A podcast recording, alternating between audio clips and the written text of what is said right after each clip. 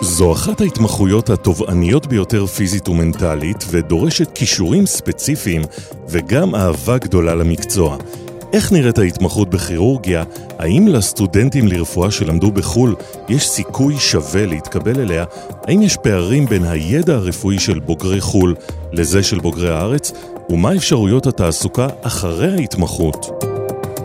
מתמחים באוויר, פודקאסט הסטודנטים לרפואה של הרי.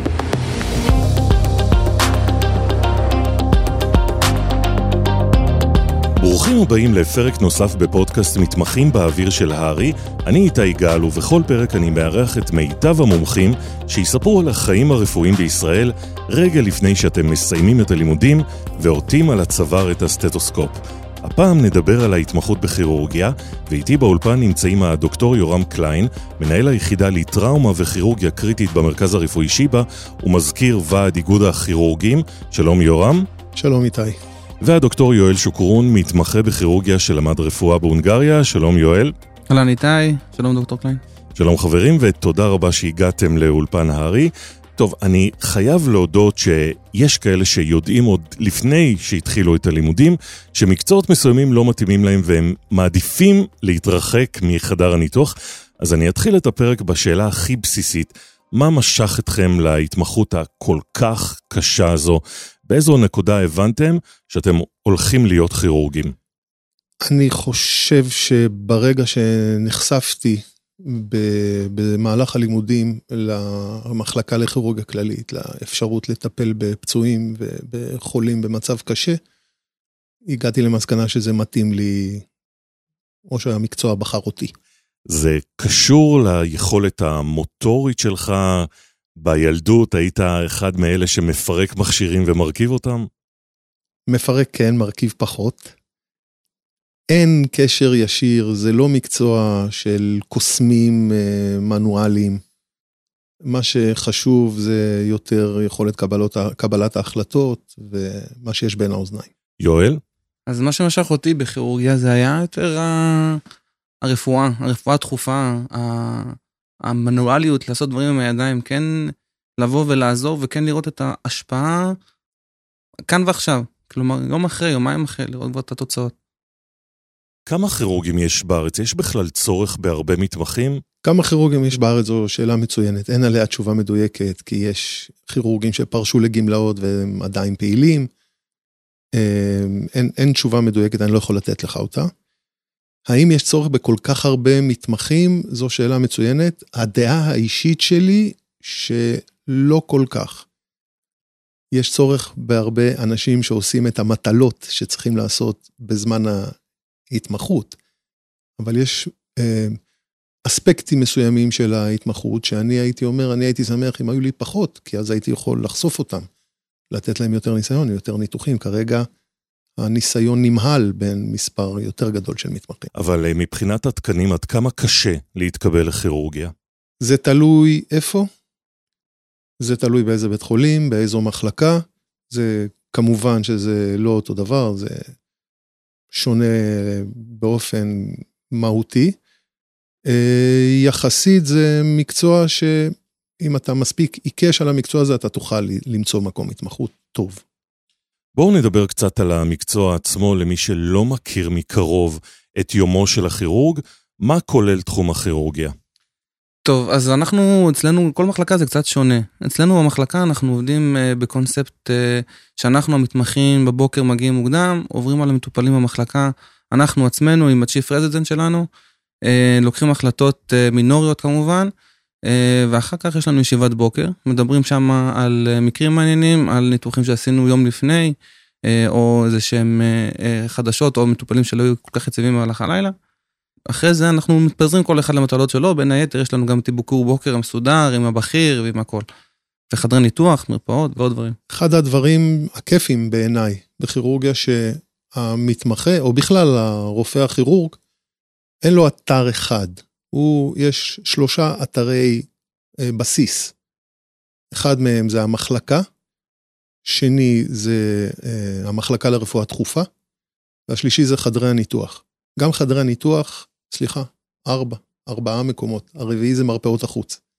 זאת אומרת, מתמחה בכירורגיה יכול למצוא את עצמו בבוקר במחלקה עושה ביקור, בעשר וחצי נקרא למקרה של חולה מדמם בחדר ההלם, במחלקה לרפואה דחופה.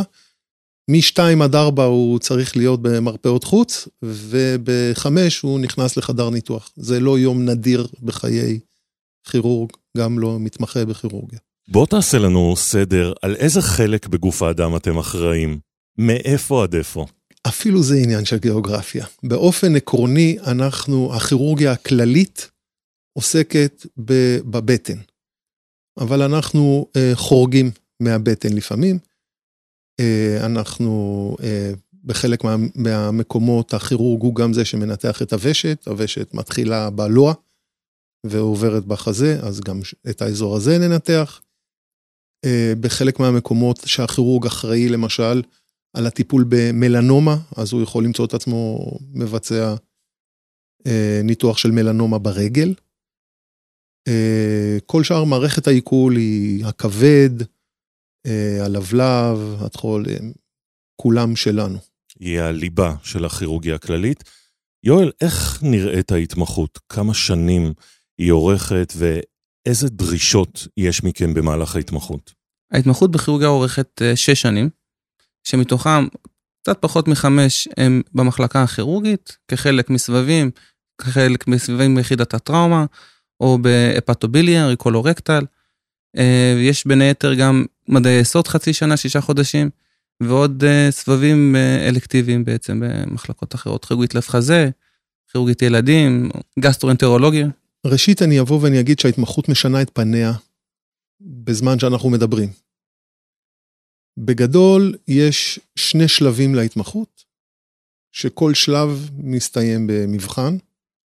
שלב א' זה שלושת, שלוש השנים הראשונות, לאחר מכן יש מבחן בכתב, שלב א' המפורסם, לאחר מכן השלוש שנים הבאות, שמסתיימות בשלב ב', שזה המבחן בעל פה, המכשול האחרון בדרך לרישיון מומחה. היום אנחנו מחלקים את ההתמחות קצת שונה, אנחנו מתחילים מ... נקרא לזה כישורי בסיס. על איזה כישורי בסיס אתה מדבר? כישורי בסיס, יש כישורים מנואליים, אה, כישורים שהם אינם אה, טכניים, כמו למשל היכולת לראיין אה, חולה, לעשות לו אנמנזה, לבדוק אותו, להגיע להבחנה מבדלת, להכין תוכנית, תוכנית טיפול, תוכנית הערכה. תמיד בתקופה הזאת אנחנו גם נשאף שהוא יצא לרוטציה בטיפול נמרץ. כדי שילמד את הטיפול בחולים הקשים.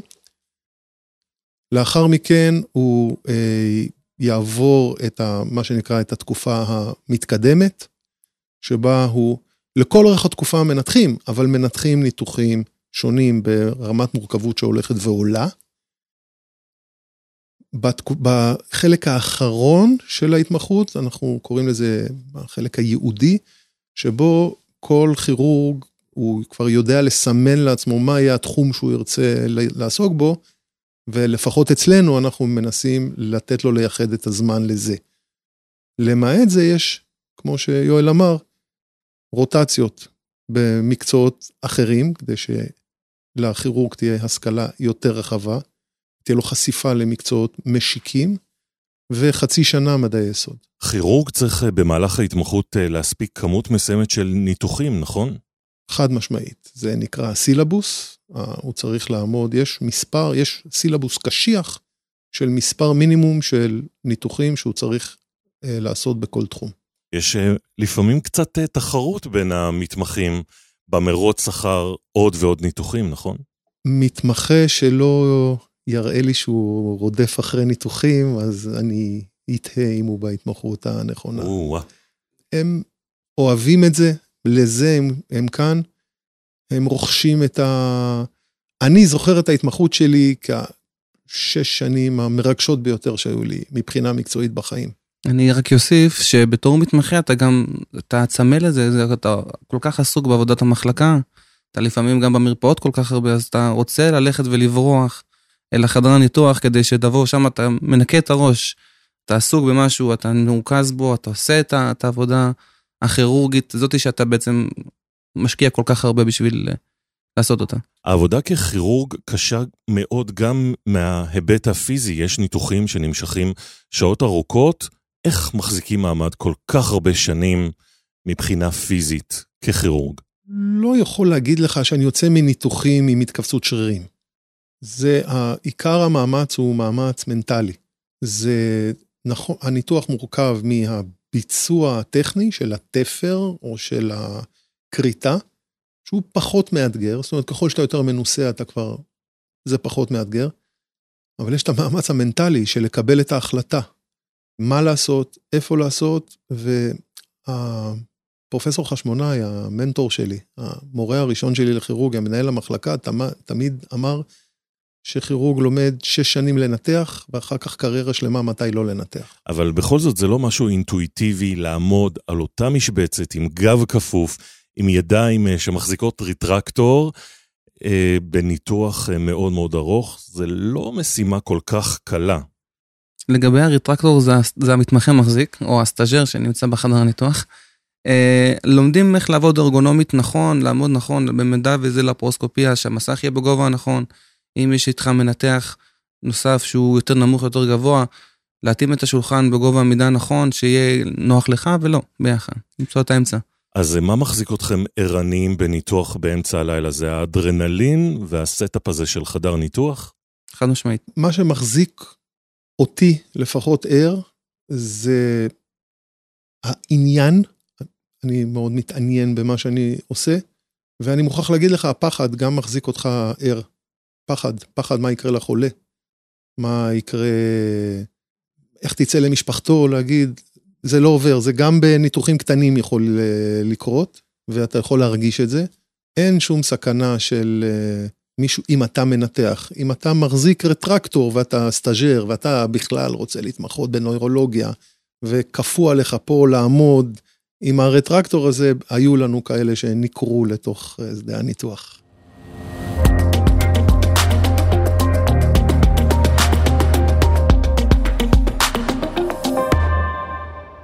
יואל, היה לך קשה להתקבל להתמחות בגלל העובדה שלמדת בחו"ל? הרגשת איזשהו שוני לעומת בוגרי הארץ? אז כן, חד משמעית, היה הבדל לפחות בהתחלה. אנחנו באים ממסגרת אחרת, לא מכירים את המערכת הרפואית פה בארץ, זה שונה לגמרי. אה, אז אתה מרגיש שאתה מאחור, אתה מרגיש שאתה מפגר מאחורי החבר'ה שלמדו פה וחיו פה וגדלו לתוך אותם, אותו בית חולים שהם עכשיו רבים איתך על התקן הזה. אז בהתחלה כן, אבל לאט לאט, אחרי שאתה לומד את המערכת, לפחות אצלי זה הגיע באמצע הסטאז' לפחות, שאתה מרגיש שאתה פשוט מכיר את האנשים, מכיר מספיק אנשים, מכיר מספיק uh, את בית החולים כדי uh, להרגיש בטוח ולנסות uh, את הצ'אנס שלך מול, ה... מול אותו מנהל מחלקה או מול המחלקה שאתה רוצה לעמוד מולה. אבל תכלס בשטח הרגשת פער אקדמי כלשהו לעומת בוגרי הארץ? תראה, אני למדתי בהונגריה, וכשלמדתי בהונגריה, חברים שהיו איתי זה היה, ב... דיברו אנגלית. לא היה לנו את הצורך לדבר בהונגרית אחד עם השני, או לפחות לתרגל את ההונגרית, אלא אם כאילו בבית החולים. אז קלינית, לא היה לנו את, ה... את מה שיש פה לסטודנטים בארץ, שיש להם את הקליניקה, כלומר יודעים לקחת אנמנזה כמו שצריך, לכתוב קבלה נכונה. וזה לקח קצת זמן.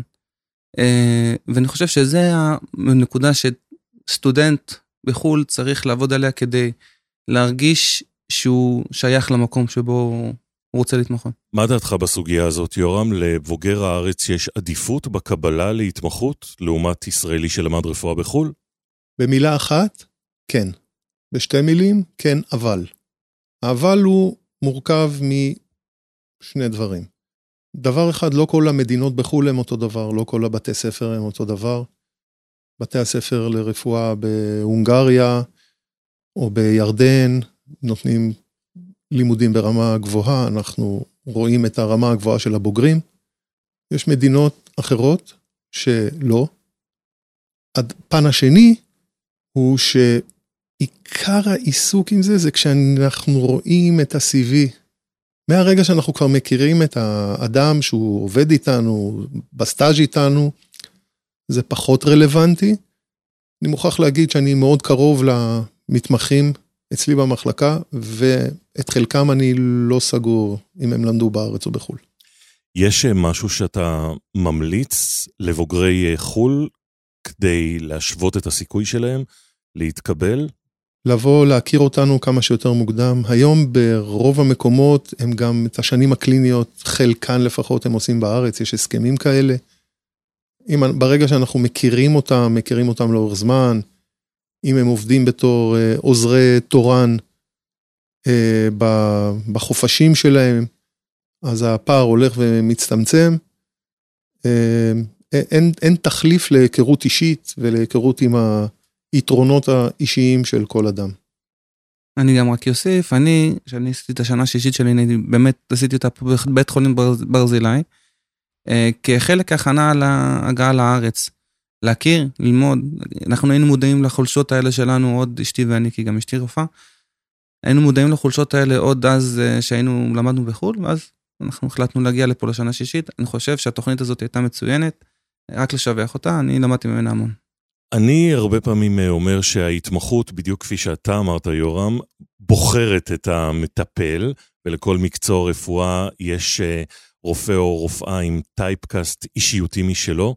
מה דעתכם, יש איזה typecast להתמחות שלכם? אתם רואים איזה תבנית של דמות הכירורג? אני חושב שכן. אני חושב שכן, אנחנו מדברים על אנשים שהם מטבעם דומיננטים, שמטבעם בסיטואציות שהם צריכים לתפקד בהם, הם מעדיפים להיות בעמדה של ה-Captain of the Ship.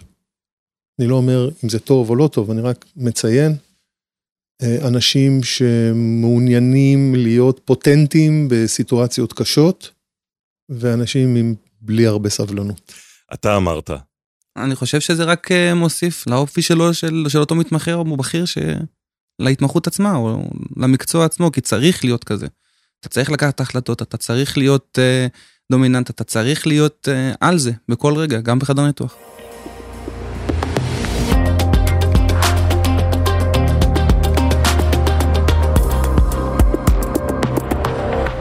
מה קורה בסוף ההתמחות? מה אפשרויות התעסוקה של אה, בוגרי התמחות בכירורגיה?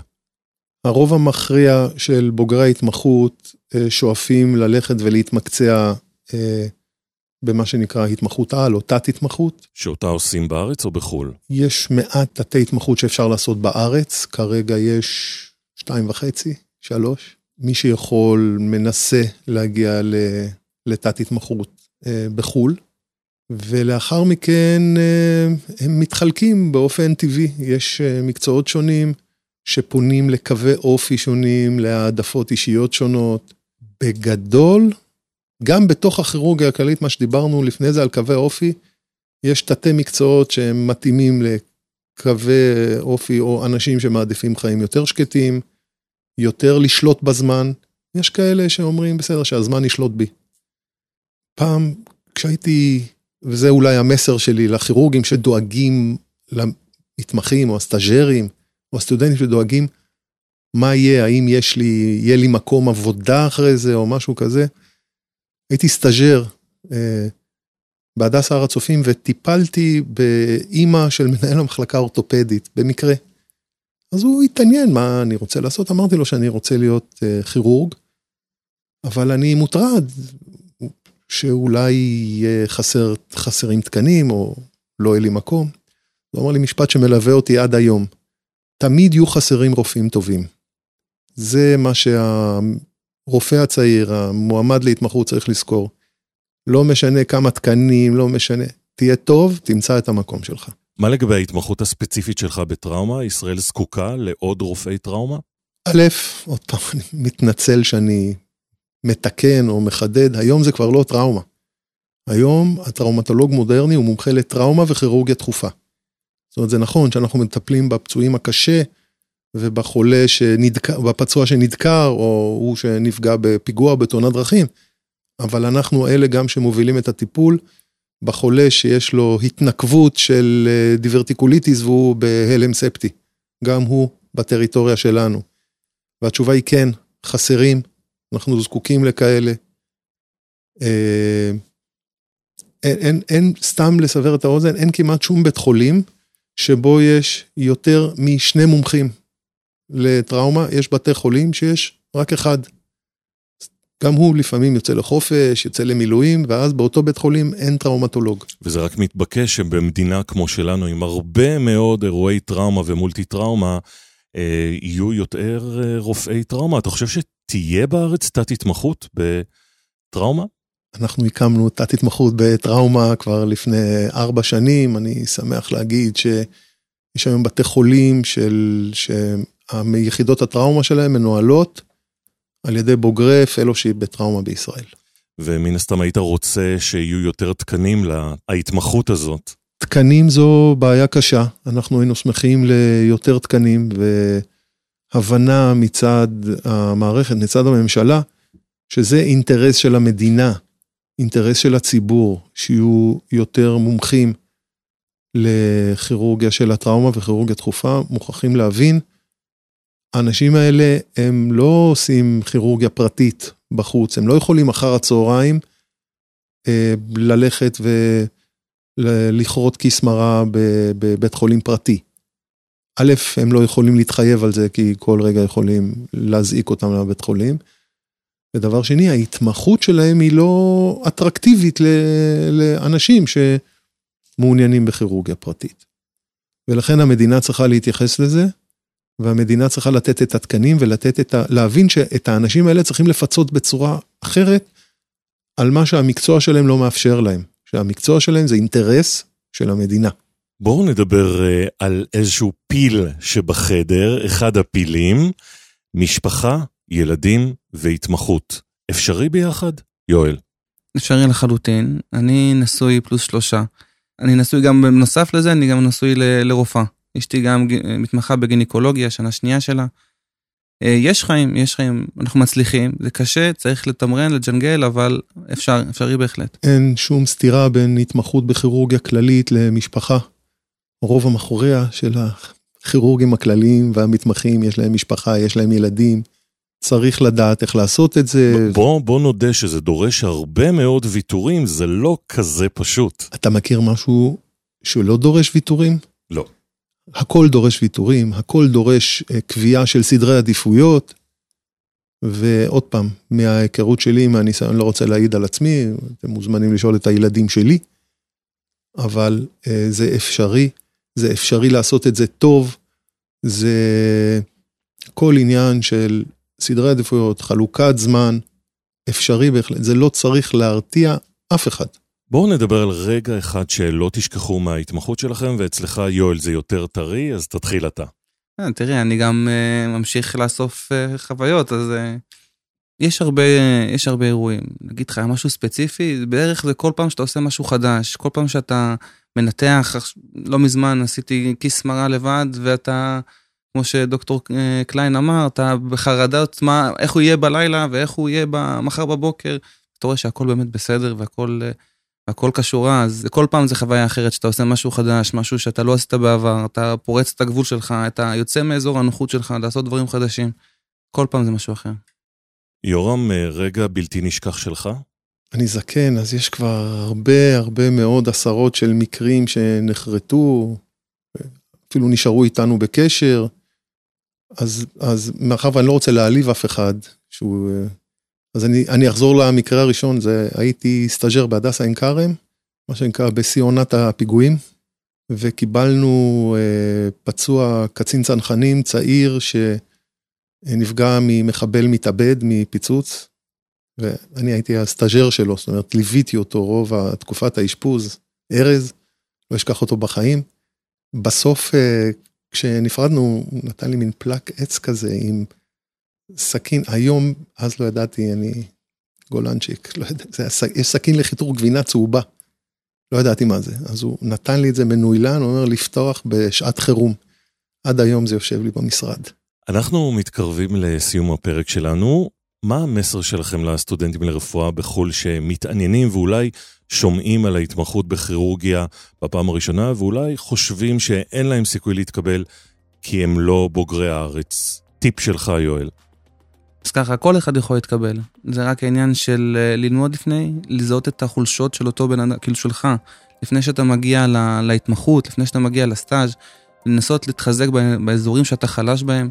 כמובן, ללמוד, אף אחד לא, כולם אוהבים מישהו שלומד ויודע את הספר. יורם? מהרגע שהתקבלת להתמחות בכירורגיה כללית, תשים את כל הביצים שלך בסל הזה. אל תתפשר, זה מה שאתה עושה בשש שנים האלה. תתמסר לדבר הזה, ואתה תצליח, זה יגרום לך אושר. לא הייתי מחליף את מה שעשיתי בשום דבר אף פעם. זה אומר שאתה מאושר. אתה הבחנה מדויקת לרופא ילדים, נכון? מסתבר. כן. אז אה, טוב לראות אנשים אה, מאושרים, ועד כאן הפרק שלנו על ההתמחות בכירורגיה. תודה לאורחים שלי, דוקטור יורם קליין ודוקטור יואל שוקרון.